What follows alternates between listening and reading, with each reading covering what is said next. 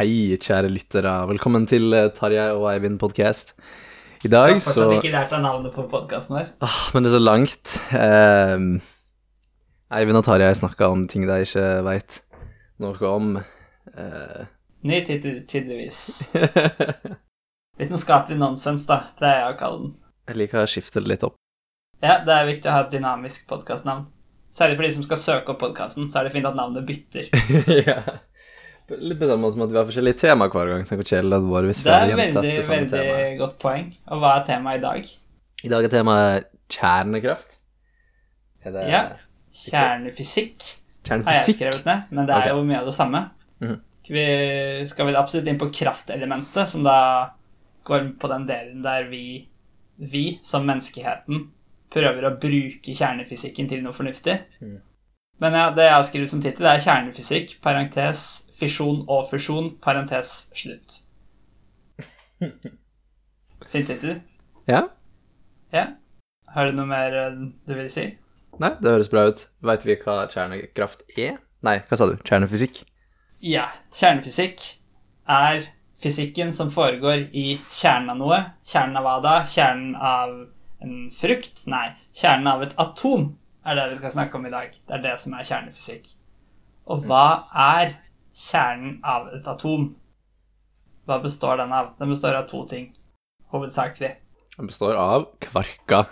Hovedsakelig? Ja. Hva mener du hovedsakelig?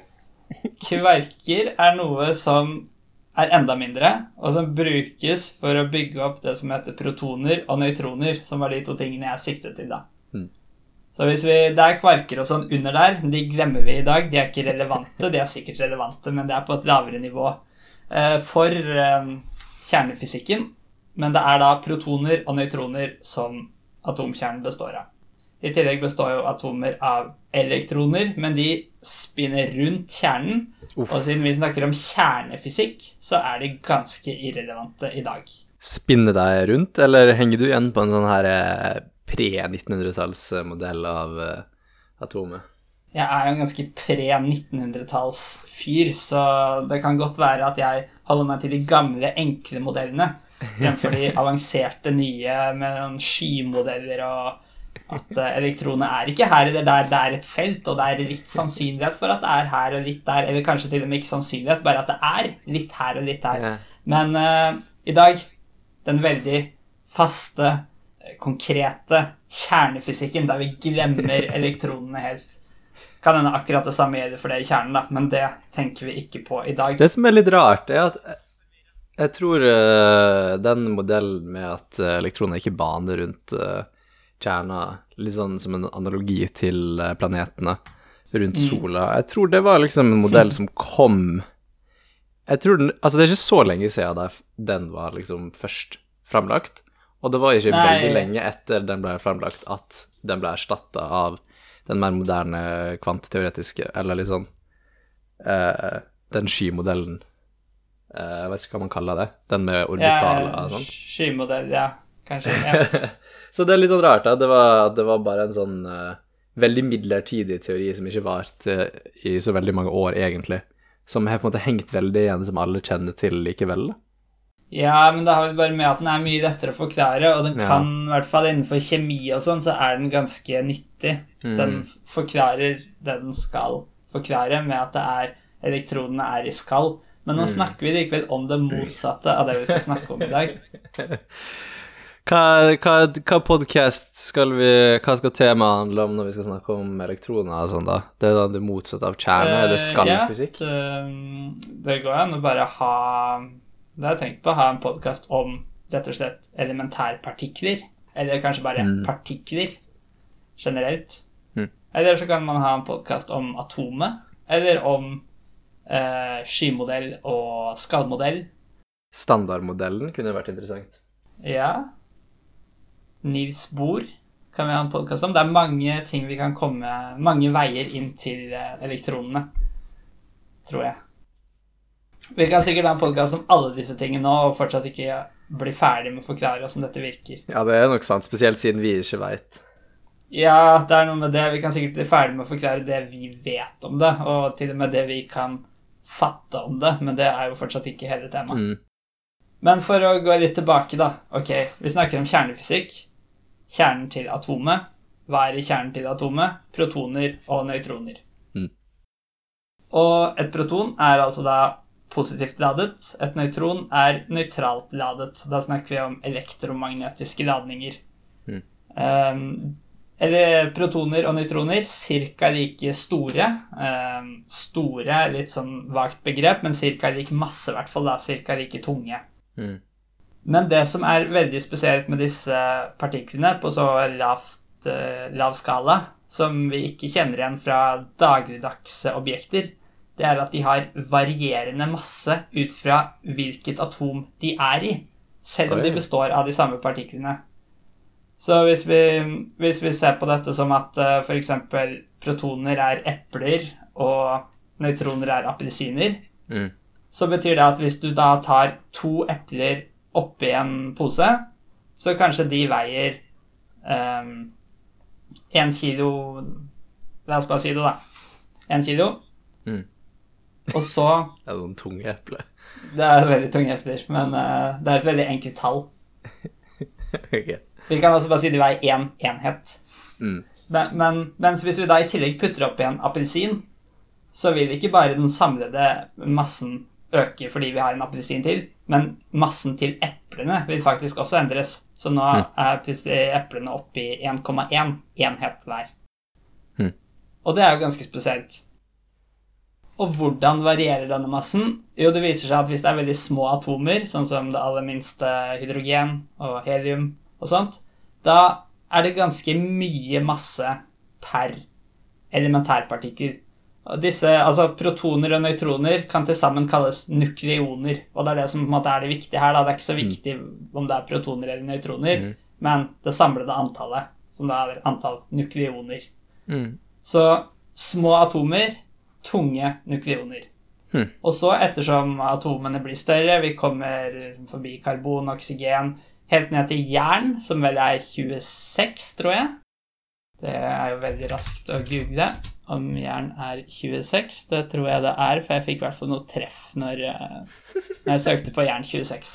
Uh, og, og jern, uh, jern er da det atomet der nukleonene veier minst per stykk. Det vil si, et jernatom veier mye mer enn et hydrogenatom, fordi det er jo mange flere nukleoner, Mm. men per stykk så veier de aller minst der. Og så begynner de å øke igjen. Så når du kommer opp i disse svære atomene, sånn uran, plutonium og sånn, da er det ganske høy eh, masse per nukleon igjen. Så det blir en slags dal, da, der det først går ned ettersom atomstørrelsen øker, og så går den opp igjen. Det her er helt nytt for eh, meg. Hvordan funka det? Fordi i kjemi og sånn, så regner jo man på eh, molarmasse og sånne ting, der man slår opp masse eh, Ja, hva er det man slår opp da, egentlig? Huh. Ja Nei, jeg Ja, ikke hvordan dette virker. Men okay, ja, nei- slår vel opp noen masser, men Ja, men det er kanskje per, eh, per eh, for eksempel jernatom, da. Eh, eller Ja, og grunnen til at du må slå det opp, er jo kanskje litt med at det ikke er helt fast. Ja, du kan ikke bare ta bare- antallet og gange opp, liksom. Nei, riktig. Ha.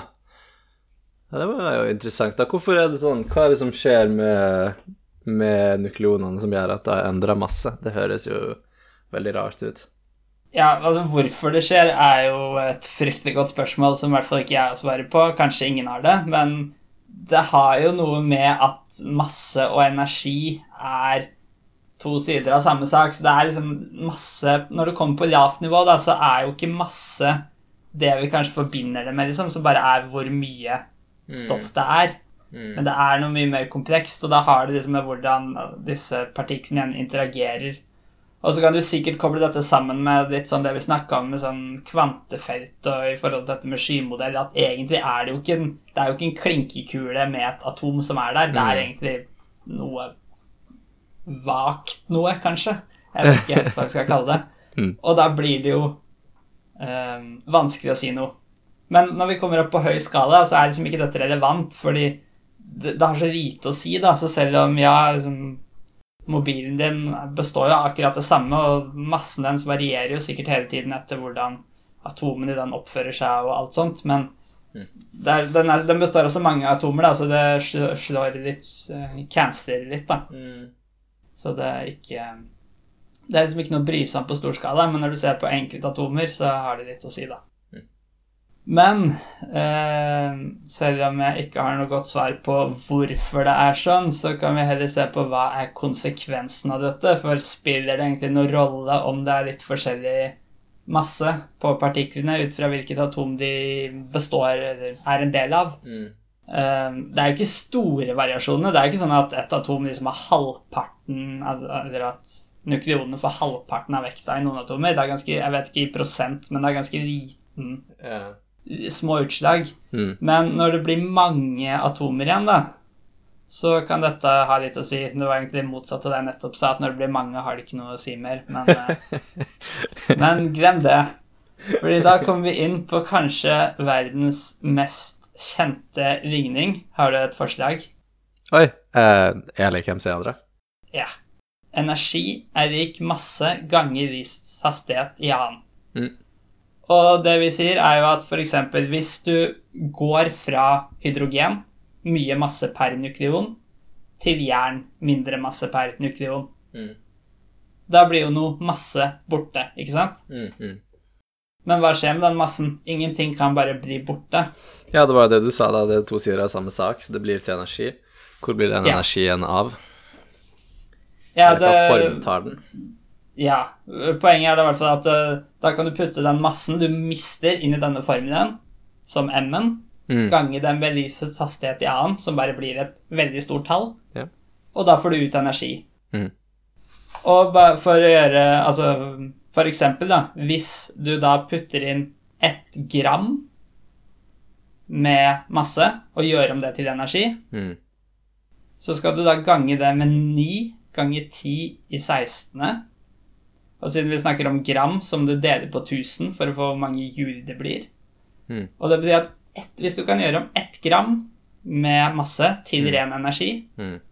så vil du da få ut 9 ganger 10 i 13. hjul, som blir um, Mm. Det blir vel sånn 100 Milliarder. Billioner hjul. 100 milliarder? Milliard er ti 10 i niende. Ja. Billioner 10 i tolvte. Billion var det du sa. Jeg trodde er du sa million. Ja, Ja. ja, nei, Ja, det er det som er 90 riktig. Mm. billioner hjul, som er sinnssykt mye. Mm. Jeg føler ikke jeg har noe forhold til hvor mye en hjul er, da.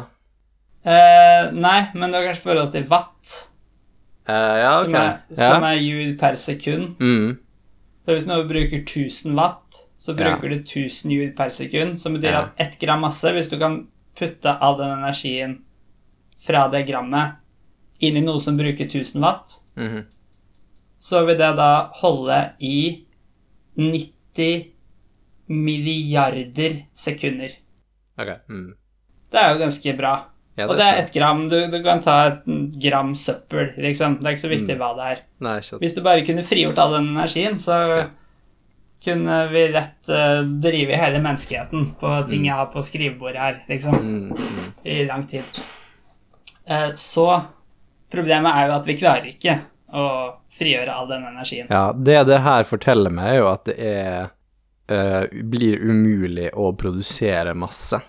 Det er jo egentlig det som er litt trist her, i praksis. Ja, fordi det koster så mye energi. Ja, utrolig Hvis du i stedet energi. ville gå andre veien, og du ville bygge en, en eller annen gjenstand av en annen type energi, energi. Så er det det ta sinnssykt mye energi eksempel, bare kunne en- lage ett gram. En slags 3D-printer eh, som går bare Ja. på strøm, da, og ikke tar noe, noe annet materiale. Som ting. Ja, det hadde blitt vanskelig Ja, av- jeg tror ikke det bare hadde blitt vanskelig fordi du måtte hatt mye energi. Jeg tror det hadde vært vanskelig bare å lage konverteringen òg, men eh, Ja, ja, men det, det er framtidas problem, tenker jeg. Men det her setter en slags teoretisk begrensning på hva som er mulig, og det er det som er litt trist. Det er sant, det. Samtidig som det sier litt om hvor mye energi som faktisk eksempel finnes på jorda. da, I og med Mm. at der må jo all den energien til all denne massen finnes. Ja. Selv om vi får, vi får ikke frigjort den, så sånn i praksis har det ikke så mye å si. Nei. eh, men det sier litt om hvor mye energi som faktisk finnes i universet, da. Mm. Det du spurte om tidligere, var hva slags energi dette ble, og det er kanskje litt sånn kommer an på spørsmål, men eh, vi skal jo komme inn på fusjon og fisjon og kjernekraft, som du snakket om tidligere. Mm. Og da kan det jo Det er vel stort sett kanskje i varme man sier at det kommer ut. Du kan si det også kommer ut som en eksplosjon, men det er vel kanskje bare varme, egentlig. Ja, ok. Men varme, hva betyr det, liksom? Er det stråling? Er det det det er snakk om? Ja, øh, det må vel være ja, fotoner, altså lys Mm. av forskjellige typer, som det stort sett øh, blir gjort om til. Det øh, Absolutt. Men det finnes jo andre typer stråling også. Fotone er jo det man kaller gammastråling. Mens det andre Det finnes jo andre varianter der det som blir skutt ut, er elektron eller eh, Nå er det lenge siden jeg har hatt fysikk. Ja, kan, Heliumkjerne. Kan, kan vi komme tilbake til det snart? Ja. Yes. Uh, For jeg tenkte bare først eh, kan vi si litt om hva fusjon og fisjon er. For da når vi kommer inn på fisjon, så blir det mye mer naturlig å snakke om disse forskjellige typer radioaktivitet, da, som egentlig er det du var inne på nå. Mm. Eh, Men fusjon er altså da å slå atomer sammen eh, til større atomer for å frigjøre energi. Og siden jern er på en måte grensa, hvis du har jern, så kan du ikke gjøre om det til noe annet for å få ut energi. Da er det motsatt at du krever energi. Mm. Ikke sant? Så når det er okay. fusjon, da må du slå sammen ting som er mindre enn jern, for å Mm. komme nærmere jern. For Mm. eksempel um, at du slår sammen to hydrogenatomer til helium. Mm. Mens fisjon er det motsatte, altså å splitte for å frigjøre energi. Og da Mm. må det altså være store atomer større enn jern. Mm. Nettopp. Hvis du ville fusjonere noe som var større enn jern, eller fisjonere noe som var mindre enn jern, krever det energi i stedet, Ja. for, å, okay, i stedet for å få ut energi. Ja, for jeg har hørt at uh, når stjerner begynner å produsere jern, så er det en slags dødsdom, da, og da er det ingen Det er på en måte slutten av livet Ja. for stjernene. Og det er da grunnen, fordi det er ikke Det er sånn lokalt, eller eh, Ja. eh, både lokalt og globalt minimum. Energiminimum. Ja. Som gjør at den på en måte stopper opp den prosessen. Det gir mening. Ja, fordi det er jo fusjon som foregår i sola, eller i stjerner. Mm. Um, og det betyr at så lenge den har ting som er mindre enn jern, så kan den fortsette å fusjonere sammen de og få ut energi, men Mm. når den kommer til jern, så går ikke det lenger, og da Mm. dør den. Mm. Hvis ikke den dør før. Ok. Og dette betyr jo at alle energikildene vi har på jorda i dag, er jo egentlig indirekte fusjon. Okay. Fordi det er energi fra fusjon i sola som deretter kommer til jorda, enten man tar det opp som med solcellepaneler, så er jo det da at man fanger opp den tidligere fusjonsenergien, eller, eller hvis det igjen brukes for å løfte vann oppover, eller, eh, eller skape planter og dyr som til slutt blir til fossilt brennstoff. Så alt kommer jo indirekte fra sola, og dermed fra fusjon. Hva med sånn eh, bakkevarme og sånn, da, som skjer med liksom mantelen i Ja. jorda? Det, jeg vet ikke, Er det varmt fordi sola har varma jorda så lenge, eller er det fra jorda ble danna? Jeg tror det er fra da jorda ble danna, altså. Ja, da kan det jo komme fra jorda ble dannet i stedet, da. Men da, da er det kanskje et unntak. Men ok, så Det som er, er at eh, jeg har funnet ut at i sola så fusjoneres det 620 millioner metriske tonn hydrogen hvert sekund. Jeg tror metrisk tonn er bare tonn, det vi kaller tonn. ja, ok. Det, det, jeg fant dette på engelsk, så det er derfor det sikkert står. Det er ikke foot-tonn, eller noe sånt. Jeg tror ikke det er noe, men ja. Eh, Men ok, 620 millioner tonn hydrogen blir til 616 millioner tonn helium hvert sekund. Fryktelig mye, men det mangler 4 millioner tonn. Hva har skjedd med de? Mm. Det har blitt til eh, energi, eh, kanskje i form av Ja. foton. Det gir jo mening. Sola Ja. lyser jo. Nettopp. Mm. Så det er disse fire millionene tonnene med masse som blir gjort om til energi hvert eneste sekund. Mm. Og da brukte jeg, putta jeg dette inn i E lik MCA-en. Ja. Og det du da får ut av sola, eller det sola produserer av energi hvert sekund, er 3,6 ganger 10 i 26. watt. 10 Ja. i 26. watt, som altså er 1, og så 26 nuller bak. Mm. Det kommer ut hvert eneste sekund. Vi skulle ikke trengt å fange opp all den energien så veldig lenge før vi kunne drive jorda i noen tusen år. Men eh, altså, all den energien blir jo spredd utover heil i alle retninger fra sola, da, og jorda er jo bare ja, en absolutt. veldig liten uh, kjegle ute fra Mm. sola. Det er en veldig liten del av det som treffer jorda, men Mm. selv av det som treffer jorda, er det jo fryktelig lite vi Ja, ja. bruker. I tillegg til at ting reflekteres uh, Mm. Ja, ja. atmosfæren og sånn, så alt kommer jo ikke ned på jorda. ja, og heldigvis, hvis ikke hadde jo hatt eh, en enda mer løpsk eh, drivhuseffekt. Jeg mener, vi hadde blitt stekt hvis all, eh, all energien som kom fra sola, ble fanga Ja, her hadde, med en gang. vi hadde ikke slitt med å skaffe energi, vi hadde slitt med å bli kvitt energien. Ja. Det som er En liten fun fact er at det kan ta 200 000 år fra lyset skapes i solas sentrum, til det Mm. når jorda. 200 000 år. Ja, og da Hva er det det driver med inni sola i den tida?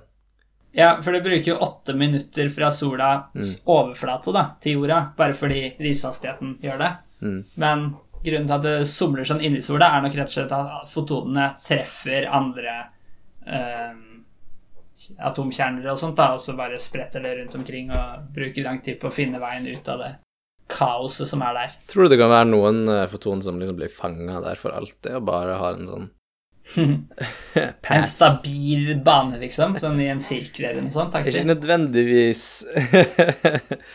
Ja, nei, ikke nødvendigvis den samme banen, men bare at den tilfeldigvis Ja. finner veien ut. Det kommer litt an på hva du mener med aldri, da. Det, hvis aldri er før sola dør, Mm. Ja. så, så kan jo det hende.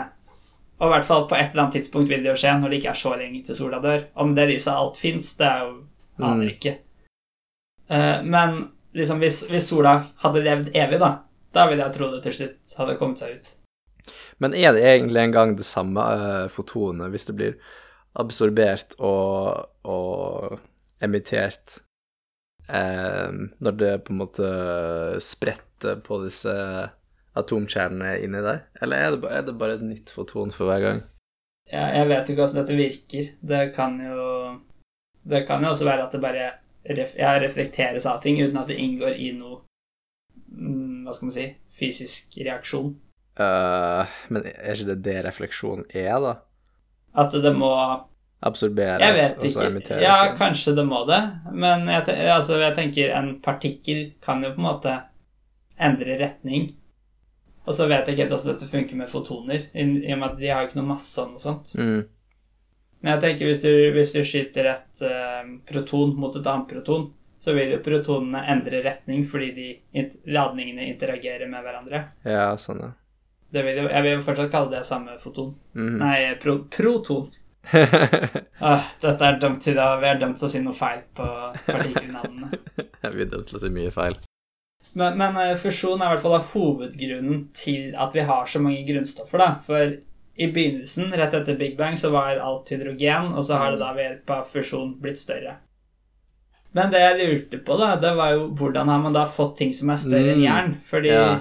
du kan komme deg ned til jern, men det var jo ikke sånn at det fantes uran og sånt i begynnelsen, Mm. så hvor kommer det fra? Uh, og svaret på det, som jeg googla litt tidligere i dag, det er usikkert. Oi! Man vet faktisk ikke, men det fant noen artikler fra sånn et år siden om at eh, man trodde kanskje f.eks. at når nøytronstjerner kolliderte, og kanskje noen andre sånne, sånne Ja, ja. type hendelser, da, der det er fryktelig mye energi Mm. og kaos i sving, kan du si, Ja. så kan det kanskje dannes større ting på en eller annen måte, da. Ja, men jeg kan jo skjønne at um, For litt av greia med stjerner er jo at um, det frigjøres energi når den fusjonsprosessen foregår. Men så Mm. sa jo du at for å Du kan fu fusjonere ting som er større enn hjernen også, men, men det tar energi istedenfor å frigjøre energi. Da. Så det kan jo se for Ja, en slags mørkstjerne mørk som på en måte uh, under sin egen vekt bruker energien på å produsere tyngre grunnstoff uten å avgi noe lys, eksempel. Det kan være. Nå vil jeg bare si at eh, Det jeg mente med det i stad, var bare at det i teorien kunne være sånn. Jeg vet ikke om det går i praksis, men det kan absolutt hende at det er svaret på dette. ja. At Mm. De har fusjonert seg større, men ikke fått ut energi, men heller eh, Brukt energi på det. tatt inn energi. Ja. Og, da, og siden, det, siden disse grunnstoffene er på jorda, da, så hva, hva har skjedd med de eh, kolliderende stjernene? Har de gått i oppløsning igjen, og det har skjedd før solsystemet vårt ble danna? og det materialet kom hit på den måten? Ja, det som skjer Ja, det er nok det. Eh, men det som i hvert fall Det er ikke så mange kanskje større grunnatomer enn jern på jorda. Eller altså, det er jo en del, men de aller fleste er vel mindre enn det. Det aller meste er jo hydrogen, oksygen, nitrogen, karbon og, og jern og sånt, da. Men, eh, men eh, det er nok ting som skjedde før jorda ble dannet, ja. Mm. Og det som skjer når to nøytronstjerner kolliderer, er at det blir til et sort hull, men det er mulig det før det blir en veldig eksplosjon som vil kaste ut masse materie da, og partikler. Ja, må det alltid bli til et sort hull? Er det alltid så store stjerner som kolliderer, eller liksom Det er jo slik vi har snakka om det før, at eh, de minste stjernene blir til hvite dverger, og de litt større nøytronstjerner, og de største store uh, sorte hull Store hull, faktisk. Sorte hull. Uh, og da antar jeg det er sånn at uh, mass, to ganger massen av den minste nøytronstjernen vil alltid være nok til å lage et sort hull. Da. Så du, uansett, hvis du slår sammen to nøytronstjerner, så blir det et sort hull. mm. For hvis nøytronstjernene var så små i utgangspunktet at det ikke er nok til et sort hull, da må minst en av dem ha vært en hvit dverg. Ja. Men dette er altså Dette er logisk tenkning og ikke noe jeg har lest, så det er litt kjedelig. Mm. Men får vi til fusjon på jorda, da, uten veldig høye temperaturer, det kalles da kald fusjon, Mm. så er jo det veldig mye verdt, og det er kanskje den eneste energikilden man da vil trenge i fremtiden. Fordi det er Du kan lage så mye energi på den måten. Men nylig så klarer man da ikke å få til dette kaldt, men eh, en kinesisk forskningsgruppe som da heter Experimental Advanced Superconducting Tokamak, forkortet EAST, eh, de har da fått til eh, å opprettholde en funksjonsreaktor i 102 sekunder Mm. ved en temperatur på, hold deg fast, 50 millioner grader celsius. Ja. Og det er vel mye varmere enn det er på sola. Oh, ja. Men så varmt okay. Så Ja jeg, jeg trodde det var sånn kanskje millionaktig i midten av sola, men det er jeg ikke sikker på. Det kan hende mye mer, altså. Mm. Jeg vet ikke om noen er sikker på det. På, på solas overf overflate er det bare sånn 6000, men uh, Ja. det er jo ikke der fusjonen skjer. Først og fremst, i hvert fall. Nei, nei. En liten fun fact er at jeg tror det er litt varmere hvis du går litt ut fra sola. Ja, det har jeg jeg hørt også. hvorfor. Hva er grunnen til det? Sikkert noe med stråling og sånn å gjøre, men det høres litt rart ut. Det er bare minner meg om han uh, eh, Jeg husker ikke hva han het uh, i farta. Han komikeren som går på gata og spør folk som er litt berusa om sånne ting. Han spør blant annet Å ja, Magnus Devold. Ja, stemmer. Ja, det er fra sånn I kveld med Ylvis eller noe sånt. Hvor, eh, hvor varm tror du spør- sola er? Ja. Nei, 1000 grader, sikkert. Det 1000 tilsvarer fire eh, varmeovner, eller stekeovner. Hvor langt er det opp til stjernene? Jeg husker ikke, Hva sier jeg? 10 000 km? 10 000 Det tilsvarer en avstand fra Oslo til Rio de Janeiro. Det er litt funny da, han sier fire, fire stekeovner som om du på en måte legger sammen varmen lineært på den måten. Ja, ja, ja.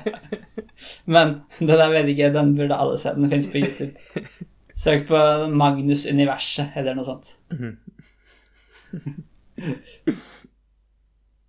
Men ja, 50 millioner grader celsius, og det er det altså fått til å ha på jorda. Det er sikkert i et ekstremt lite område, da. Mm. For det er, jo, det, det er jo atomer dette handler om, så det trenger ikke å være den store rommet liksom du skal varme opp, men det er likevel ganske sprøtt. Hva, hva er egentlig poenget med at det skal være, så, at, at det skal være kaldfusjon? Hvorfor kan ikke vi bare ha varmfusjon, sånn som de driver på med?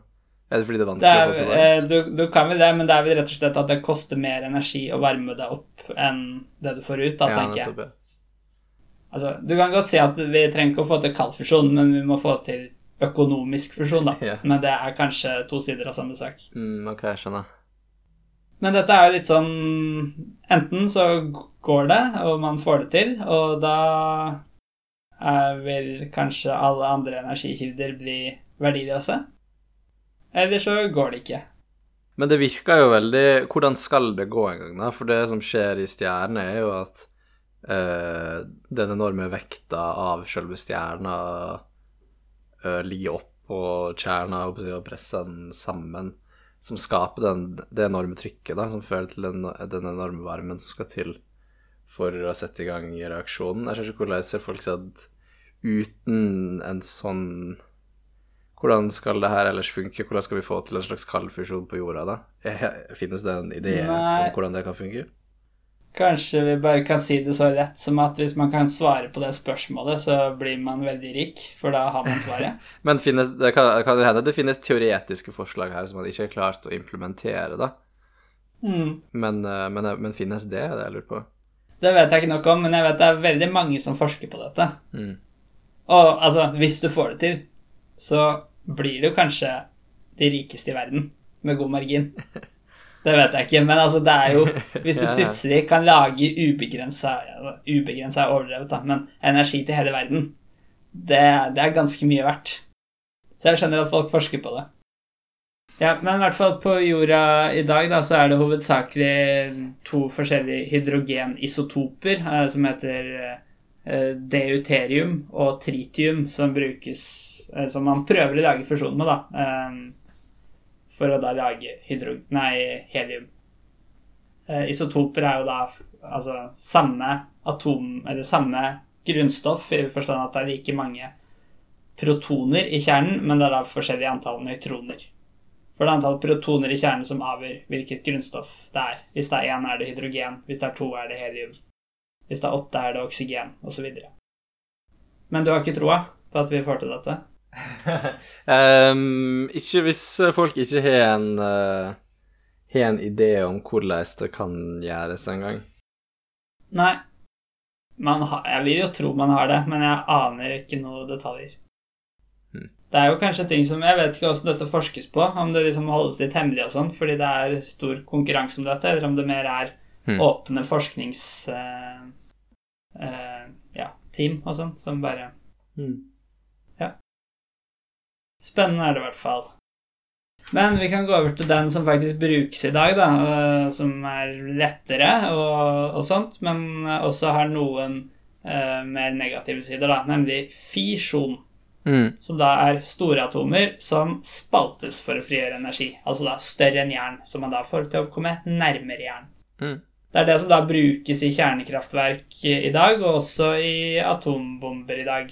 Mm. Selv om der har man jo faktisk klart Man klarer å lage fusjonsbomber. Så det er jo faktisk et steg oh, ja, eh, mot eh, det. Men, Ja, det er jo interessant, da, fordi- Men det er jo ikke kaldt, da.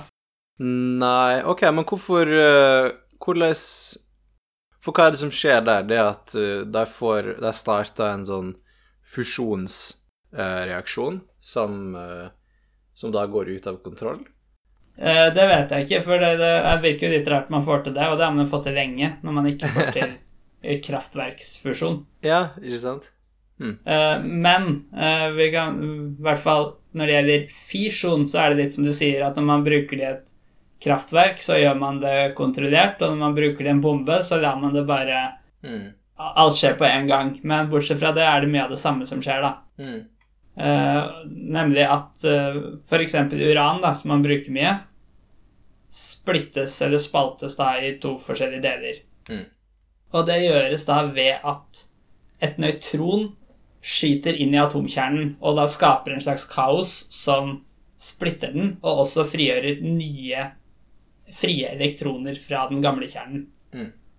Eh, og det som skjer, da, er at dette skaper en kjedereaksjon, så eh, hvis du skyter ett um, nøytron inn mot en klynge med uh, uranatomer, så treffer den én kjerne. Den spaltes, skyter ut flere nye nøytroner, Mm. som treffer nye kjerner. Og så blir det en sånn dominoeffekt, da. Mm. Jeg så en sånn video eh, som illustrerte det bra, ved at du, du la masse pingpongballer på musefeller. Mm. Og så, ut, og så kasta du én pingpongball ned mot alle de, Mm. som traff en annen, ikke sant? Og da Mm. slås den ut, og så skytes den av gårde, treffer en annen, og så plutselig var hele rommet fullt av spretne pingpongballer. Mm. Og når man da gjør dette i et kraftverk, så klarer man da på en eller annen måte å kontrollere dette, så ikke alle spaltes på en gang, da, men Mm. at dette skjer over tid. Mm. Mens i en bombe vil du jo bare ha alt eh, med en gang. Men det som er, er at de splittede atomene, det du får ut, resultatet av prosessen, i tillegg til energi, da, det er jo energien du gjør dette for, men du vil jo også da få ut disse nye spaltede atomene, som er mindre og nærmere jern. De er ofte mye mer radioaktive enn de originale stoffene, og det er det som da ofte kalles atomavfall. Du kan si uran er jo også Det man begynte med, er jo radioaktivt. Mm. Men det er, ikke, det er ikke så veldig radioaktivt, for det bruker sånn fem milliarder år på at halvparten er nedbrutt. Mm. Uh, Så det er det er ikke veldig farlig å være i nærheten av uran litt, okay. tror jeg i hvert fall. Okay. Uh, Mens, mens det du får ut, er da mye mer radioaktivt. da. Ja. Rett og slett fordi det fortere brytes ned. Er det bare det som avgjør radioaktiviteten? Hvor fort det brytes ned? Det er vel rett og slett hvor mye du har av stoffet, og hvor fort det deler seg. Du kan si Fordelen med at det deler seg fort, er jo at du fort blir kvitt det, men det er jo at du blir kvitt det, som er farlig òg, for det er da det havner overalt. ja. Eh, Så det er litt sånn ja, en trade-off, da. Mm.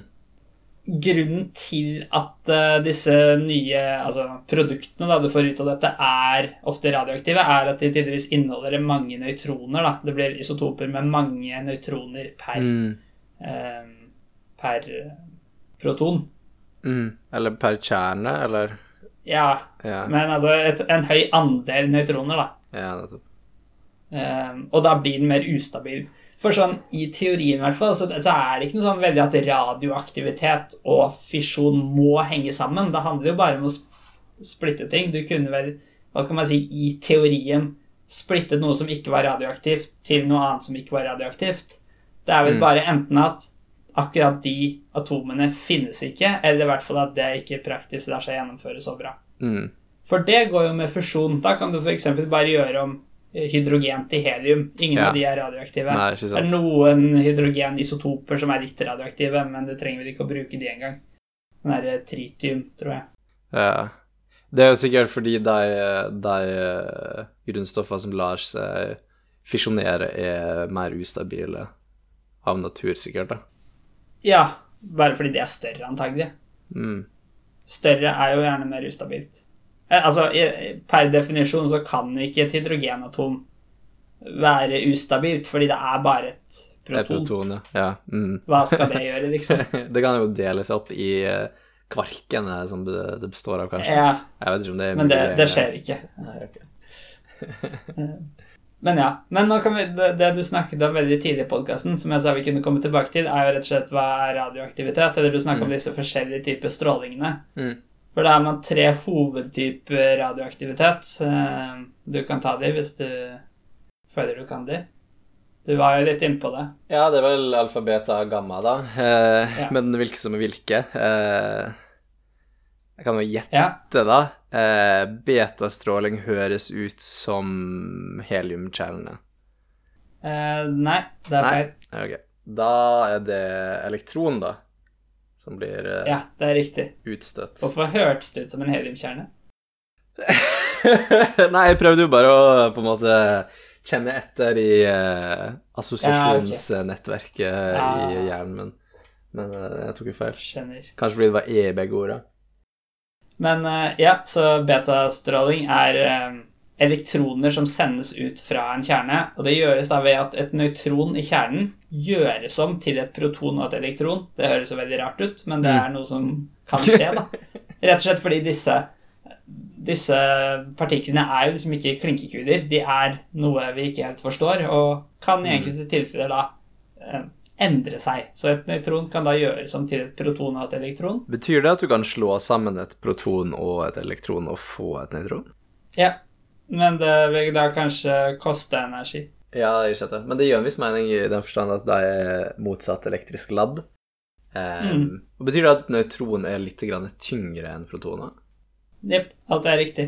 Men selvfølgelig, nøytronene har ikke lik masse som et proton pluss et elektron. Nei, det det er, det, vi, det er det vi lærer i dag, at disse massene Ja, ikke sant. Riktig. Men, Men det er akkurat større. Men det er nøyaktig så mye mindre masse som det tar å slå deg sammen? Det ja, i form av energi, tenker Ja. du på? Ja. Ja, det vil jeg tro jeg, at dette er et regnestykke som går i null. Det må det nesten være. Nettopp. Bortsett fra at det kanskje er endra flere elementer. Det jeg lurer på, det hadde ikke forundra meg om det kom noen nøytrinoer ut av dette og noe sånt òg. Nøytrinoer som bare er små nøytrale partikler som er overalt hele tiden, som vi også har vært borti før. Mm. Hvis du er i tvil, regn med at det er noen nøytrinoer i prosessen. Det er en god leveregel. Ja. Ok, men ok, eh, for å gå litt tilbake. Hvilken stråling er alfastråling? Da er det heliumkjernene. Ja. Ehm, som da er en heliumkjerne fordi det er to protoner og to nøytroner, som er det som også er en heliumkjerne, da, naturlig nok. um, som skytes ut fra en atomkjerne. Mens gammastråling, det er rett og slett lys, fotoner. Mm. Hvis det er litt sånn inkonsekvent kanskje å si gammastråling, for det er jo bare elektromagnetisk stråling som kanskje den alltid er så kraftig da, at det kalles gamma, for gamma er det man kaller det når det er veldig Mm. høyfrekvent stråling. Mm. Eh, hvis det er litt mindre frekvent, så blir det liksom røntgen, og så blir det ultrafiolett og synlig lys, og så går det ned til radiobølger og sånt. da, Så det er, alt dette er jo på en måte samme type stråling, bare Mm. avhengig av hvor mye energi det er. Ja. Men alle disse er da litt farlige. Um, farligst, eller mest energi, da, som også betyr farligst, fordi når det er mest energi, så kan det også gjøre mest skade, er Mm. gamma. Så det er beta i midten, og så alfa tror jeg er minst energi. Mm. Men det er også noe med at eh, gammastråling går lettere gjennom ting uten å påvirke dem, sånn, siden den har så mye energi, da, eller noe sånt.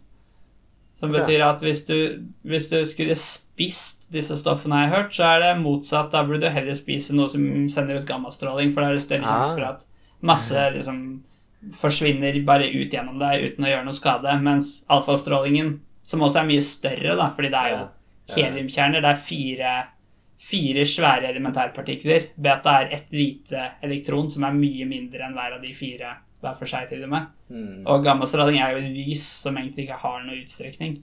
Mm. Um, så lønner det seg da altså regelen er spis gammastråling, uh, kle på deg alfastråling.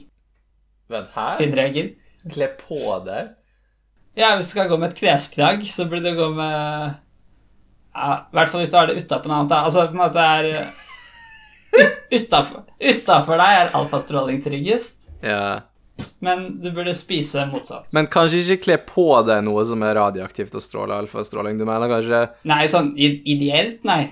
Nei, nei men, men litt av poenget her må jo være at det må være et lag med Hvis, det, hvis du har på deg vanlige klær, og så har du noe som er Ja. stråler alfastråling nært Ja, så tar, så tar klærne alfastrålingen. Ja, så, men hvis klærne er eh, radioaktive, så er det både litt langt for deg.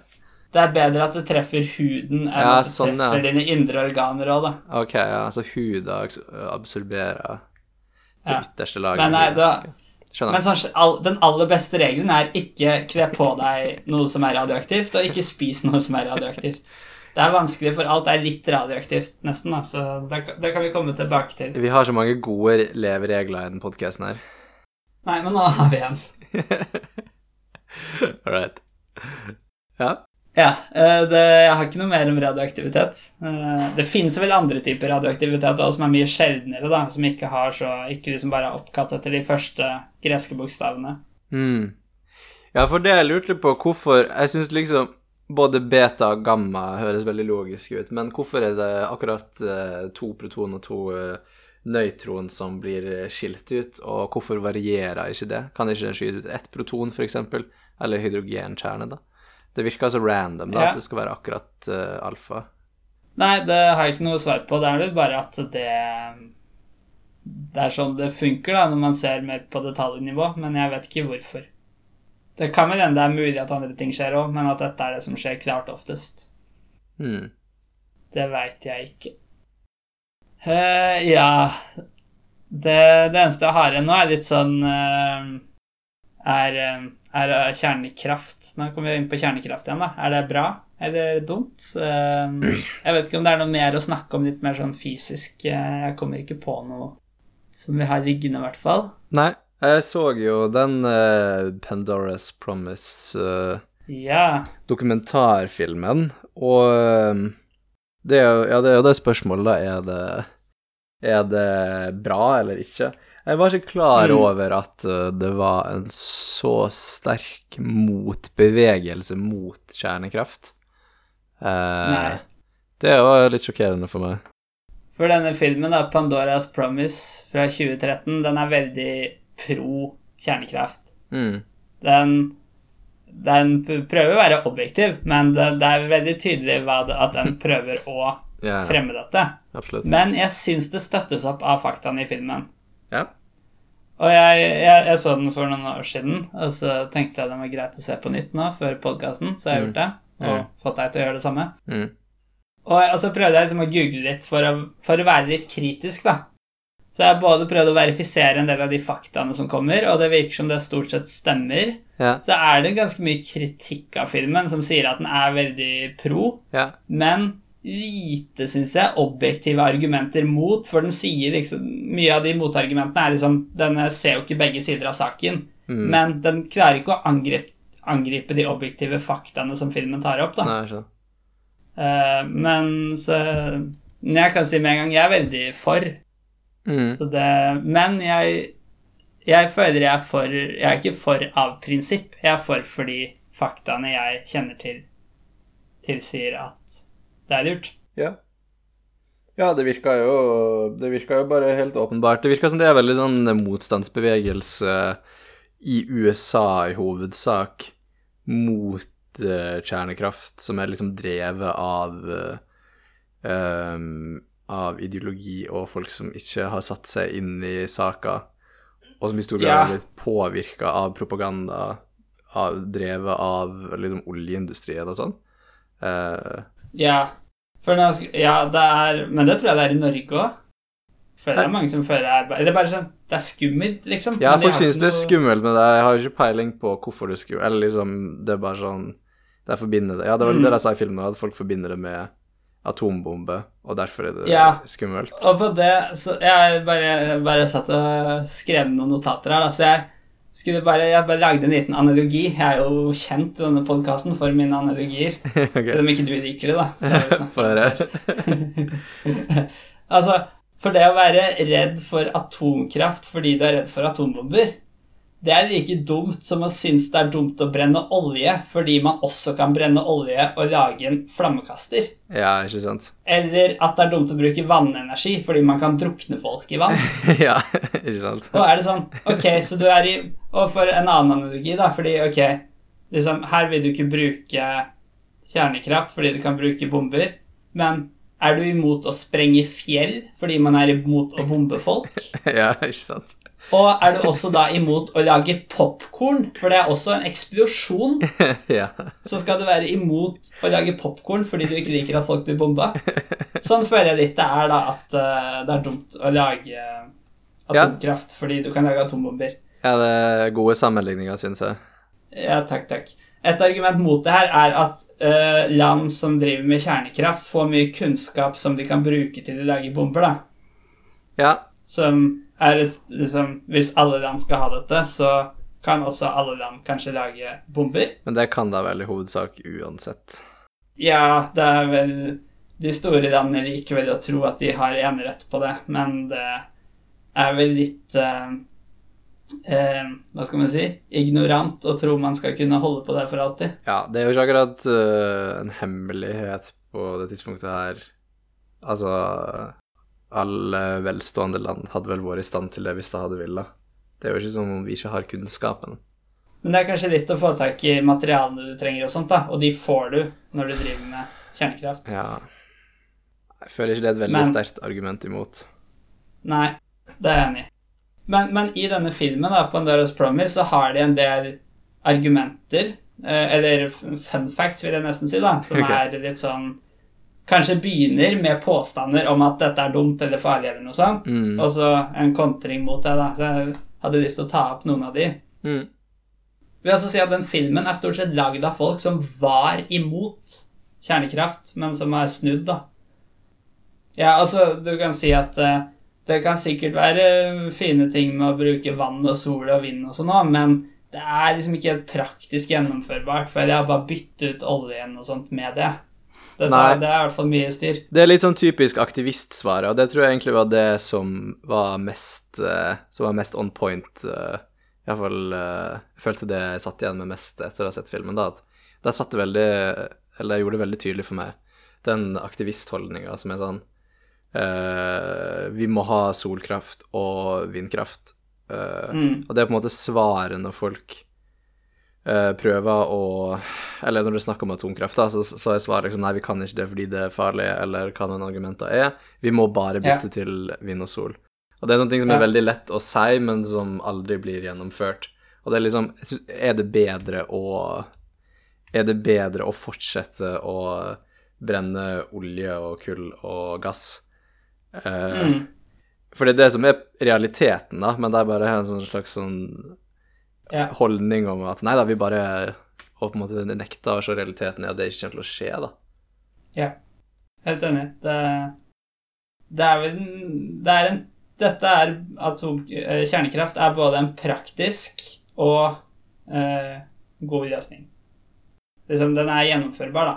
Ja, ja, ja. Det er, ikke, det er ikke gjennomførbart å drive verden på vindmøller, Nei, nei, og det, og det virker, virker det som. Vi er jo ikke på vei dit heller, i noen som helst slags stor nok skala til at det er verdt å snakke om. Så det, det er veldig rart at aktivistene ikke skjønner at de er indirekte for å fortsette med alle de tingene som de er veldig imot, uh, ved å ikke omfavne kjernekraft.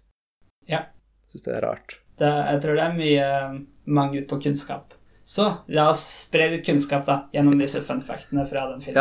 Ja. Som jeg har prøvd så godt jeg kan å verifisere. Og Wow. uh, jeg tror egentlig jeg har veri altså, verifisert vil si at jeg finner noe flere kilder på nettet med det. da, At det ikke bare er fra filmen, liksom.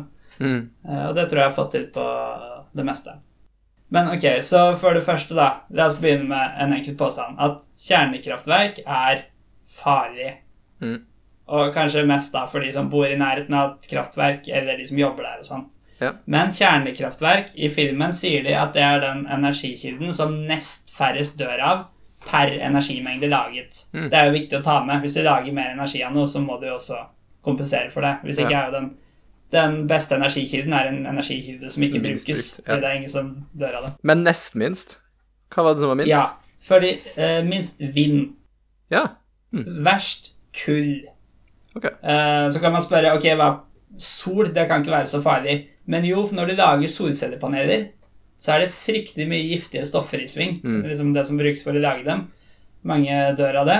Um, vann er jo sånn- brister jo sånne svære demninger i Kina hele tiden, i anførselstegn. Det er jo ikke det, men det er, det er en del dødsfall med det òg. Okay.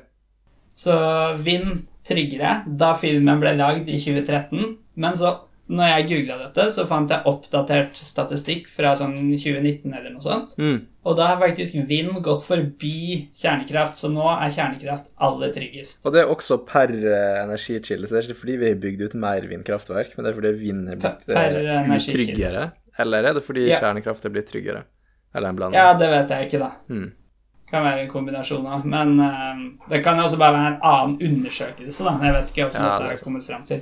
Men uh, jeg vet ikke akkurat hva som er det mest kritiske med vind, men uh, altså Det er jo mye som skal produseres, og det er Ja, det er jo- mye det- ved, vedlikehold. Ja, det, det var jo det jeg hadde hørt før jeg så filmen også, som, som alltid har vært svaret på at atomkraft er ikke farlig, og det dør mange flere i arbeidsulykker på kullanlegg enn enn det gjør i atomkraftverk, og Ja. i praksis så er det nesten ingen som har blitt drept under For det er litt mer sånn ulykke man ser for seg, kanskje, da, at det liksom eksploderer som en slags atombombe, som Ja. med Tsjernobyl og sånn, da. Eh, Men sjøl der så Mm. er jo det ingen som har omkommet.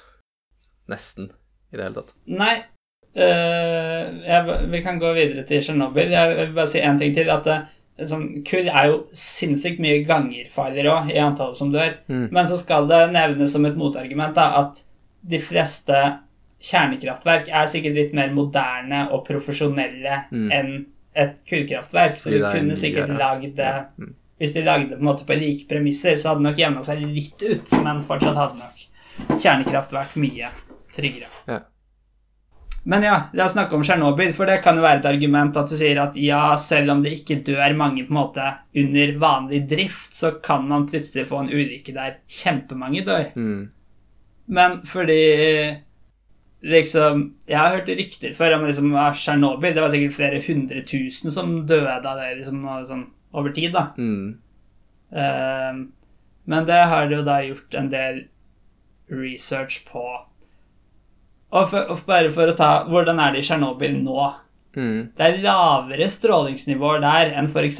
på et fly i dag. Hvis du flyr et rutefly, det er Mm. høyere opp, der er det mer stråling.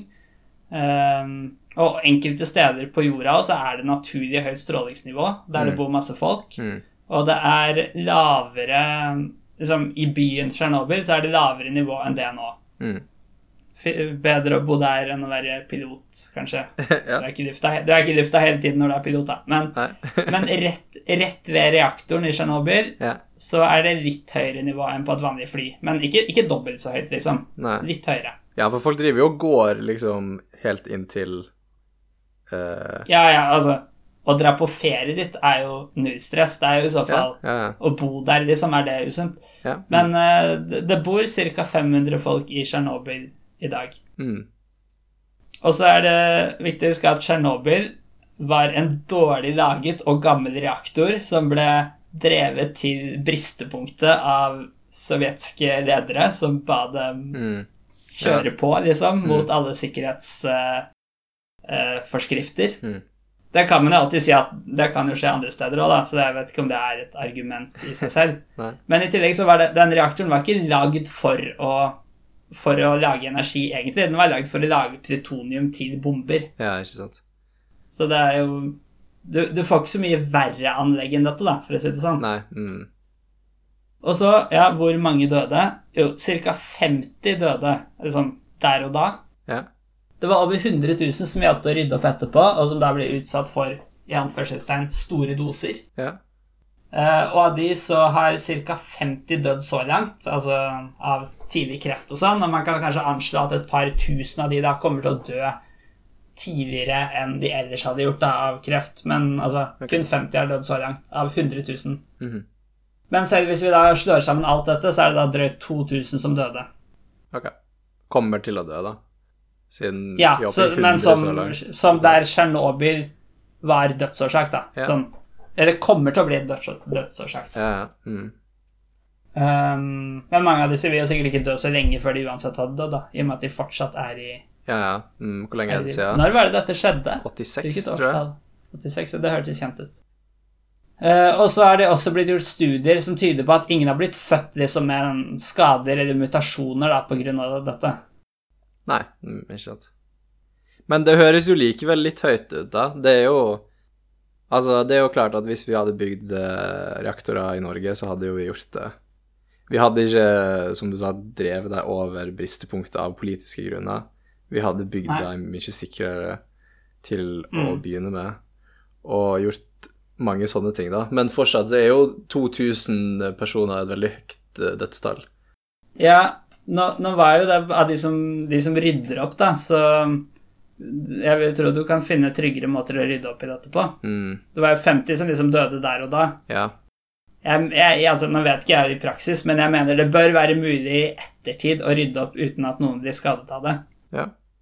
Um, på en eller annen måte. Bare med bra utstyr og sånt. Mm.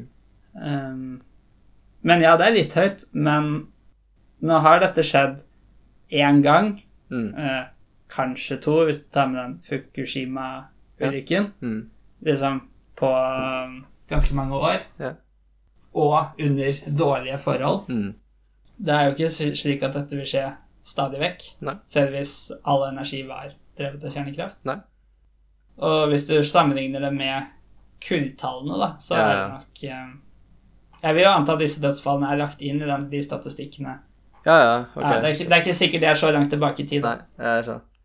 Nei, det er jo, det er jo klart det, bare, det virker så mye mer dramatisk, og det er jo det som gjør at folk er redde, og, mens ingen bryr seg om uh, alle de kullrelaterte dødsfallene fordi det ikke er verdt å på en måte Ja. Det er ikke en historie, på en måte. det er, det er jo det som er problemet, at man bryr seg om at noen dødsfall er mer, nei, dødsfall er mer dramatiske. Det er jo ikke en objektiv sak. Er Nei, liksom- nei, ikke hele tatt. Men, men så er spørsmålet, da, eh, kunne vi ha lagd uh, kjernekraftverk som er helt sikre?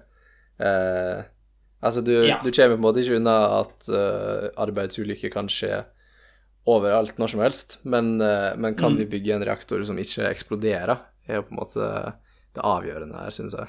Det kommer an på hva du mener med helt sikker, for ingenting er jo helt sikkert. Men Nei. du kan lage noe som er fryktelig mye mer sikkert enn Tsjernobyl, og det er vel det som i stor grad brukes i dag, i hvert fall når man lager nye ting. Mm. Skal vi se, jeg tror det var en fun fact fra filmen her, som var eh, at moderne kraftverk skrur seg av seg selv om noe holder på å gå galt. Mm. Eh, Så kan man jo spørre om en eh, vannkraftverksdemning kan den skrus av hvis den holder på å briste. Ja. Det er ikke så lett. Nei, nei, det er veldig godt poeng, det. De er dyre å lage disse kraftverkene, men de kan vare i 100 år eller mer eh, og fortsatt være sikre, da, så det er jo en langtidsinvestering. Mm. Jeg tror ikke det, jeg tror ikke det er et spesielt poeng at det er dyrere å lage enn andre kraftverk. Gode arbeidsplasser for deg som bygger da, tenker jeg. Ja, Ja, har vi flere artige fun facts? Jo, eh, atomkraftverk vekker tritium, som det er altså det er radioaktive hydrogenisotoper, ut i, ut i elvene og sånn, da, ofte mange steder. Liksom, det, det er vannet de har brukt, da, som de da skyller ut i elva etterpå, Ja. vekker radioaktivitet. Det må jo være veldig, veldig farlig, må det ikke det? Ja, det høres jo skummelt ut. Men spiser du bananer? Eh, iblant gjør du det. Det var bra for min eh, neste setning. Det hadde vært kjedelig hvis du sa nei. Eh, fordi hvis du drikker alt vannet som kommer ut av, en atom, av et atomkraftverk på et år, Mm. så har du fått i deg mindre radioaktivt avfall enn hvis du spiser én banan. Mm. Så jeg tror det går bra. det høres jo greit ut, det. Um, det fordi det her er det vannet som brukes til å Er det som brukes til å kjøle ned reaktoren? Eller er det det som brukes til å lage damp, eller hva, hva er det her for noe?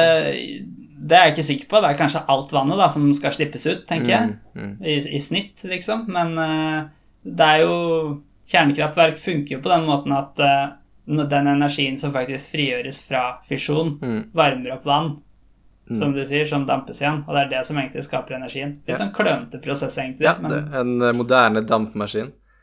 ja, det holder ikke å ha energi. Du må klare å få den energien over i en form du klarer å få Mm. noe fornuftig ut av. Så det hjelper ikke at uh, fisjonen frigjør energi. Du må varme opp det vannet før du kan bruke det til noe, da. Sånn man gjør det nå, i hvert fall. Mm. Men jeg antar det er det vannet, kanskje, da. Men det kan, Mm. det kan jo være andre ting òg. Mm. vi snakket jo så vidt om atomavfall tidligere. Er Ja. det et problem at det blir altfor mye avfall? Hvor skal vi gjøre alt det har jeg alltid tenkt. Ja, du må jo få det material Eller drivst, hva kaller man det? Drivstoffet fra Det må jo komme fra en plass. Uh, fra ei gruve Ja. eller noe. Så kan ikke man Nei, det, må, det, Ja, drivstoff, da, det tenker du liksom på det som skal inn, da. Ja, ja Men, så får du at, men, men så får du atomavfall ut igjen, ja som er jo, mer som er mer radioaktivt, Men jeg mener at det drivstoffet du, du bruker, må jo komme fra en plass. Du, du får jo det ut av ei gruve eller noe. Kan ikke man da bare Ja, uran, liksom. Ja, ikke sant. Kan ikke man Ja, da mest, mest uran og så litt plutonium brukes vel i dag, stort okay. sett. Kan ikke man da dytte det radioaktive avfallsstoffet tilbake ned i gruven der det kommer fra? Man har jo plass der, Jo. åpenbart. Det, det kan du sikkert. Altså, I tillegg så kan du også, hvis du er villig til å ofre én fotballbane Så kunne f.eks. i USA plassert alt eh, Altså, fotballbaner er jo liksom Alle dokumentarer bruker det som enhet på ting. Så, så, så hvis man stabler da radioaktivt avfall tre meter høyt, Mm. så kan du få alt det inn på en fotballbane. På, At USA har produsert så langt Per fra år? de begynte med kjernekraft. Nei, ok, totalt. Så langt, okay. Mm. um, det mangler kanskje noe detaljer her, at det er litt mer komplisert, men det gir i hvert fall en idé. da. Det var en av de påstandene filmen hadde som jeg så hadde blitt litt kritisert, men jeg klarte liksom ikke helt å finne ut hva som var problemet med det. Men, eh, men eh, poenget er at du må jo ha et system på dette. Hvis du bare kaster det i naturen, så er det jo et problem. ja, du må jo sikkert ha det i en eh, beholder som eh, gjør at de ikke stråler radioaktivitet ut, men, ja. men kan du liksom bare det sette det ut på, i ei dynge, da, på en måte, som du beskriver, uten at Ja. Hva om det kommer et jordskjelv eller et storm, eller hva andre ting kan skje? Nå er det kortere siden du så filmen enn meg, men viste det ikke noen sånne svære nesten noen siloer som var fulle med det, som bare sto på en slags parkeringsplass? Jo. Jo, da jeg, jeg tror det var Japan som gjorde det, eller var det Frankrike? Ja, jeg husker ikke. Eh, mulig det, at det var et av de to. Ja. Men, eh, men altså Det, vil jo jeg se, det så jo ikke så trygt ut, men hvis selv det er trygt Og så kan du legge litt mer innsats på toppen av det igjen, f.eks. putte de under bakken et sted. Ja, ikke sant. Det er det jeg tenker med det gruven, da, at du klarer jo å grave det ned. Det virker som det er såpass lite mengde der at det er ikke noe problem bare å grave den ned en plass. Gjerne da i gruven der det kommer fra. Jeg tenker det løser jo problemet. De, viste, de viste vel også et sted i filmen der det, de hadde satt det liksom under bakken i kraftverket eller noe sånt. ja. Det er Mm. nesten litt sånn utstillingsaktig. Mm. Husker ikke helt. Men, eh, Mm. men det virker ikke som det er så veldig stort problem. Mm. Og selv hvis det er et lite problem, så er altså, det er problemer med de andre ja, energikildene. Det er jo et problem vi klarer å løse på praktiske måter, da. eh, På en ganske enkelt, virker det som, i forhold til alle de andre enorme store problemene vi har, som vi ikke har noen løsninger på. Jeg hørte faktisk en podkast om kjernekraft. Jeg husker ikke helt hvem podkast det var. Eh, For, for um, Det var kanskje ikke om kjernekraft, men om energi generelt. da. Eh, Det er liksom argumentet da, til hun som var mot kjernekraft, var at eh, det lagde avfall, og det er jo et problem, så da kan vi ikke bruke det. Men det er jo ikke sånn du må, Det meste har et eller annet problem. Du må jo Ja. velge problem. Det er jo ikke sånn at uh, Jeg vet ikke.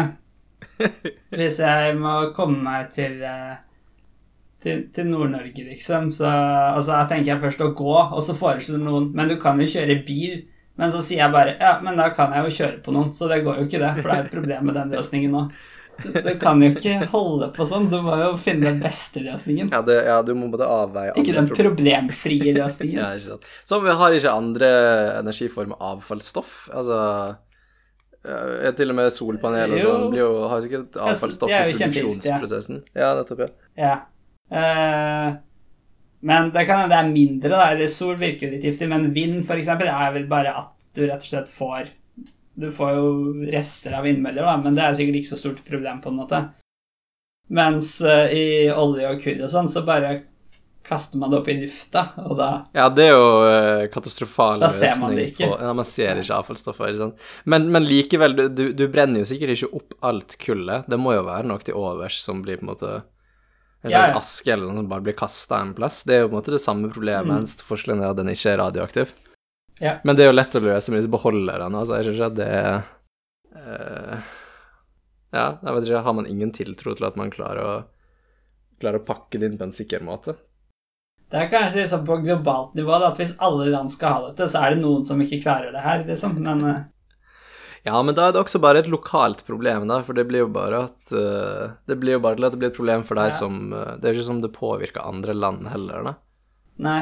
Det gjør jo disse avfallsstoffene vi slipper ut i atmosfæren. De påvirker jo Ja. hele verden. Det er sånn. Nei, litt rart. Jeg tror ikke det er noe stort problem. Og nå en veldig morsom fun fact, hvis vi ikke har noe mer å si om avfallet. Ja. Det kan forresten også sies at avfallet kan egentlig brukes på nytt, for det kan fortsatt, så lenge det ikke er kommet til jern, så kan det jo Mm. spaltes på nytt, Mm. men det er kanskje ikke like økonomisk gunstig, da. Nei. Men ok, så USA gjør om atombomber til kjernekraft. Ja. Uh, jeg at du har jo sett filmen, så det er jo ikke noe ja, du, du vet jo disse tingene. Jeg gjør det. Ok, lytter. USA gjør om atombomber til kjernekraft. Mm. Og ikke bare det, de kjøper gamle atombomber fra Russland og gjør om Ja. Og da er det faktisk Dette er ikke på lav skala. Det er faktisk sånn at 10% av all elektrisiteten i USA og 50% av kjernekraften, som da også tilsier at uh, totalt Mm. 20% av kraften i USA er kjernekraft Mm. Men altså 10% av all elektrisitet i USA kommer fra gamle russiske bomber. Det er helt utrolig hvor mange atombomber Russland eh, produserte. Ja. 10% av USA er sånn drøyt 30 millioner mennesker som lever dag etter dag på gamle russiske våpen. Det er gøy. Det er, det er ganske sprøtt. Liksom, Da jeg først hørte at de kjøpte det, så tenkte jeg liksom Det utgjør jo sikkert ikke noe stort Mm. i, i prosent, liksom, men Hm. 30 millioner mennesker kan leve på dette. Mm. Vet jeg ikke over hvor lang tid dette har foregått, om de gjør det fortsatt, liksom, eller om det begynner å måtte måte, gå tomt. da, Jeg vet ikke. Mm. Høres jo fryktelig mye ut, men uh, ja. Hmm. Det går tydeligvis. Tror du USA selger sine gamle atombomber til eh, Russland? Eh, Det, det gir litt lite mening, for da kunne de heller bare brukt sine egne Ja, penger. Ja, men det er noe symbolsk i det, da. Ja, ja, for da har du litt mer kontroll på at det blir brukt. Jeg vil bare tro de bruker de selv, jeg, da, men jeg vet ikke. Godt spørsmål. Eller kanskje de bare Det beholder ut. deg for, å- for eh, å ha overlegen atommakt. Ja, de kjøper alle russerne sine, og så beholder de sine egne. Ja. Genialt. Men kanskje russerne lager nye for de pengene de får for de gamle. Nye, mer effektive. Ja. ja, og som du sa også da tidligere, at det, det er en veldig sånn politisk greie, for i USA da så virker det som at demokratene er imot kjernekraft fordi republikanerne er for. Mm. Bare for å være motsatte, liksom. Ja. Og vinne noen velgere på det, sikkert. Mm. Syns det er litt rart, for du kan jo også tape velgere på den måten, da. Ja. Men ja. eh, Det, USA er jo glad i å polarisere det politiske systemet sitt, så det gir jo mening at det er sånn. mm. Det var egentlig det jeg hadde i dag, tror jeg. Ja. Konklusjon. Fusjon er best, ingen protest, men vi må få det til først. Uh, fisjon er bra. Um, hva rimer på bra? Men altså, jeg er jo litt skeptisk til den konklusjonen, da, for hva er poenget med Hvorfor tror du at fusjon er bedre? For det første så får jo ikke vi det til. For det andre så virker det ikke som om det Hvorfor skal det ikke kunne komme ut av kontroll og være farlig på samme måten som, eh, som fisjon? Kanskje at du slipper avfallsstoffer, da, men det tror jeg vi konkluderte med var et neglisjerbart problem uansett. Uh, og er det mer Det effektivt rimte jo ikke i det hele tatt. Og er det mer effektivt sånn energimessig og sånn? Eh, Jeg skjønner ikke hva er problemet med fisjon, da. Hvorfor er ikke fisjon best, siden vi allerede får det til? Det er forholdsvis billig, det er enkelt. Eller ikke enkelt, da, men eh, vi vet hvordan vi gjør det. Det er trygt. Det er liksom ingen grunner til å ikke gjøre det annet enn uh, frykt. Uberettiga frykt. Ja, jeg- jeg tror fordelene med fusjon kan være Én, det lager ikke radioaktivt avfall. Mm. Eller det trenger i hvert fall ikke å gjøre det. Nei? To, det bruker stort sett hydrogen, som man har masse av. Ok, ja, det gir mening. Mer av av uran. Ja, ja, ja. Og muligens usikker, da, at det er mer effektivt. Nei, Hvor, hvor får du det fra? Har folk eh, spekulert i det, eller? Jeg tror aldri jeg har hørt at noen har ment at det skulle være mer effektivt. Nei, jeg gjetter. ok. Uh, ok, ja. uh, det snakker ikke vi om, da. Hvor er det, hvor er det uran og sånn kommer ifra? Har vi sånne Har vi vi Er det naturressurser vi har i Norge, for eksempel? Eh, uran finnes naturlig på jorda, og det har jo med at det har så sinnssykt lang halveringstid, som det heter. Altså hvor lang tid det tar før halvparten er gjort om til Til uh, Altså strålt bort, da. Ja. Så det har man. Jeg vet ikke akkurat eh, hvor på jorda det er mest forekomster av det. Mens plutonium, som også brukes, det tror jeg Det er litt usikker på hvordan man gjør, for det har mye lavere halveringstid, som betyr at det finner man liksom ikke i gruver, for det er blitt borte. Mm. Og det er jo naturlig å gjette om man produserer det, men hvordan gjør man det? Mm, ikke sant? Et fusjonskraftverk. Eller ikke kraftverk, Ja, da. det, Et det høres jo ikke ut som lønner seg, da. Nei, ikke sant. Så det, det er et veldig godt spørsmål.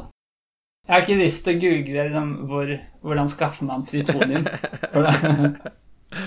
Eh, For det er jo noe med liksom bærekrafta i det her, da. Har vi nok eh, Er det litt sånn som olja, at vi på en måte går eh, tom etter en stund, og det vil aldri eh, bli fornya? Og på den måten så bruker vi opp de naturressursene vi har, på kort sikt. Jeg har aldri hørt noe om det problemet, så det kan hende det ikke er noe problem. Men det er i hvert fall ikke noe problem med, med eh, fusjon. For hydrogen er jo bare å finne frem vann, og så må du riktignok spalte det, men det er nok noe som er mye mer Du bruker mye mindre energi på å spalte vannet til hydrogen og oksygen enn hva du får ut av det etterpå, vil jeg tro. Ja, hvis du fusjonerer For det er, jo, det er jo bare en kjemisk binding, mens dette er en sånn kjerne, kjerneprosess der det da mm, er sterkere bindinger, tror jeg. Veldig mye, tror jeg. mm.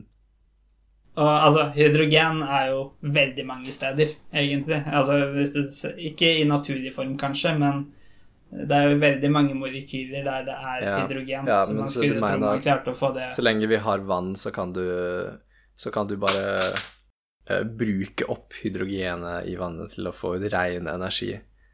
Ja, altså hvis vi, skal, hvis vi bruker opp hele havet etter hvert, det tror jeg er en stund før det blir et problem.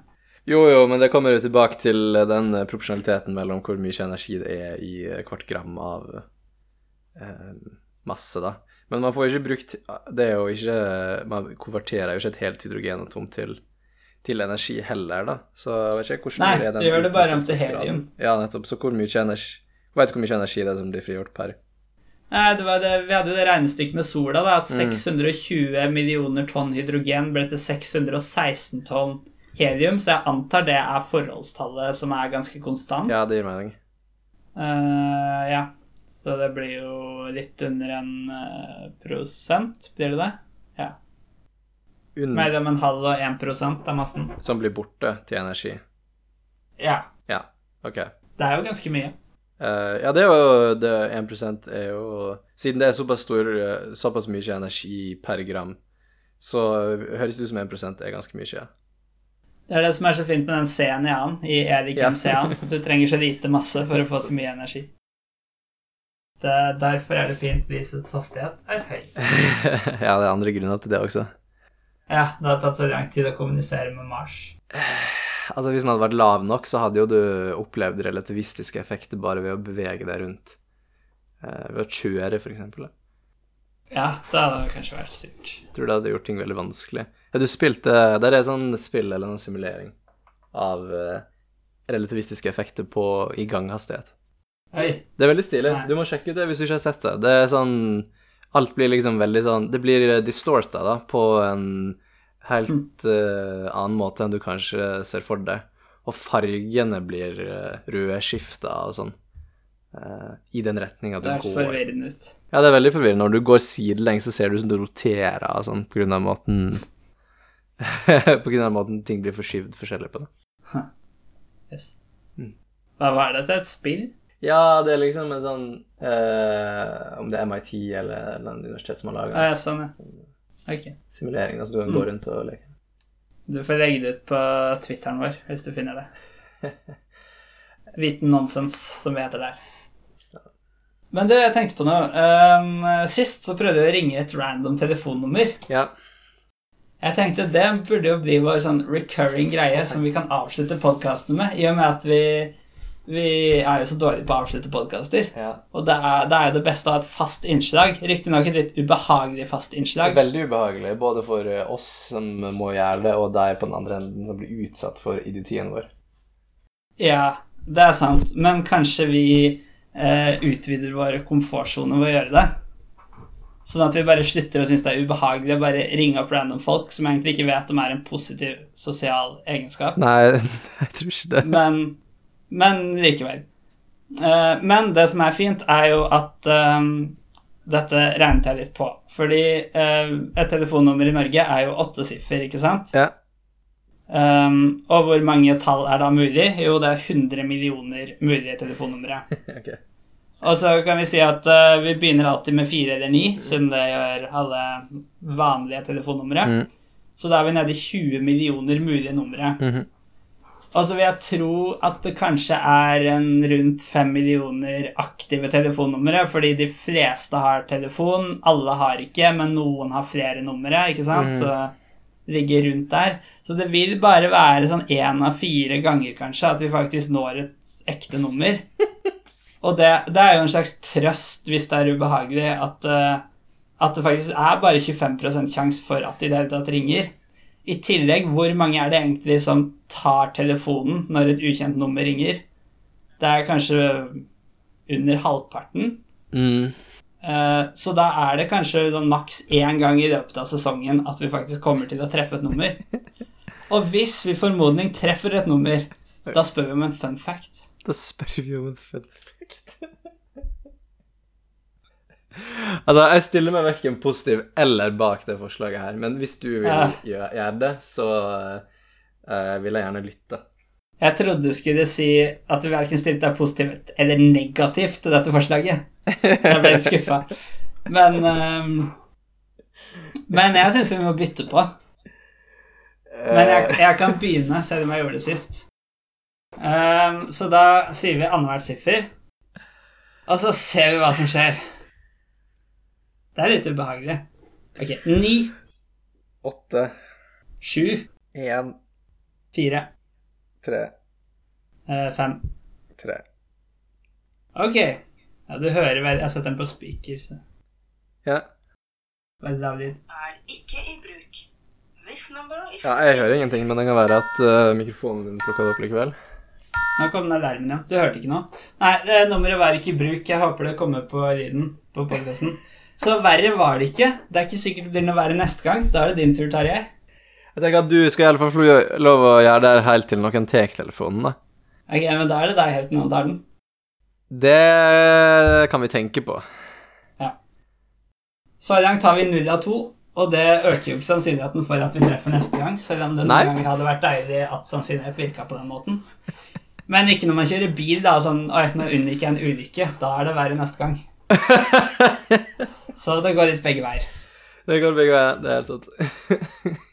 Sannsynligheten går begge veier. Takk for oss. Skal vi si oss ferdig? Men uh, ja, stem, stem atomkraft for å være litt politiske. Ja, stem atomkraft. Det er vel den eneste måten vi får til eh, å ha fornybar grønn energi. Eller kanskje ikke fornybar, da, det visste jo vi ikke, men uh, grønn energi. Nei, men, men det er ikke viktig at det er fornybart hvis det ikke er noe problem på kjempelenge, vil jeg si. Nei, Sola finner går jo også andre løsninger. Altså, Ja. Ingenting er jo sånn sett fornybart, for sola går jo også tom etter hvert, og Ah. da har vi ikke vindkraft mer. Hersens termodynamiske lover. Da kommer vi inn på det der med det er et problem, så vi kan ikke gjøre det. Så da blir det sånn Vi kan ikke bruke Ja. solkraft, fordi det går jo tomt om mange milliarder år. Ja, ja. Nei, jeg er helt enig. Det, det virka jo i den filmen som om Frankrike hadde 70% eller noe av energien sin av atomkraft, og det er noen kjempesuksess. Så det er faktisk det vi må gjøre hvis uh, Du kan ikke kalle deg sjøl miljøaktivist eller uh, grønn eller noe som helst sånn hvis du ikke er for 100% atomkraft. Eh, godt sagt. Og tenk i et Hva skal vi si Tenk maks i et 200-årsperspektiv. Er det ikke et problem før om 200 år, så er det ikke et problem. Da kan de finne ut av det senere. Ikke løs alle er problemer døde. på en gang. Ja, det er veldig godt poeng, for det er akkurat det som skjer. Uh, samtidig som vi lar de største problemene ligge. Nettopp. Kanskje vi burde bli en aktivistpodkast? Um, ja, eller kanskje vi har fått vår dose av det nå. Ja, det kan være. Det var litt slitsomt. Da snakkes vi neste gang. Send oss en mail om din mening om atomkraft, men er du imot, så gidder vi ikke å svare. Ha det bra. jo da. Vi er åpne. Hvis du har et godt argument, så skal vi ta det opp i neste Ja, det er jeg helt klart uh, Ja. åpen for. Jeg utfordrer deg, lytter. Finn et argument mot som faktisk er bra. Gjerne med en kilde, hvis det er en faktapåstand. Altså, det, jeg føler det, det er obligatorisk med kilde hvis det er en fakt- faktapåstand. Ja, men er vi en sånn kildepodkast, egentlig? Nei, det er sant, men du får ikke overbevise oss mot kjernekraft heller uten en kilde. Nei. Eller et veldig godt logisk argument. Men da er det kanskje ikke en Ja. faktapåstand. Nei, jeg tenkte mer at hvis det var en påstand, kan vi google den for å finne kilder, da. Men, uh... Ja, ok, det, det er fair, da. men, Men- vi men- er jo litt late, så det er tryggest å sende med kilden. Det er best å sende med kilden, altså.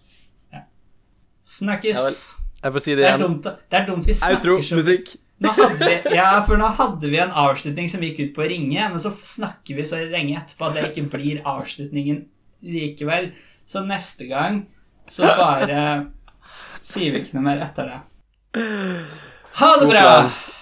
Outro, musikk.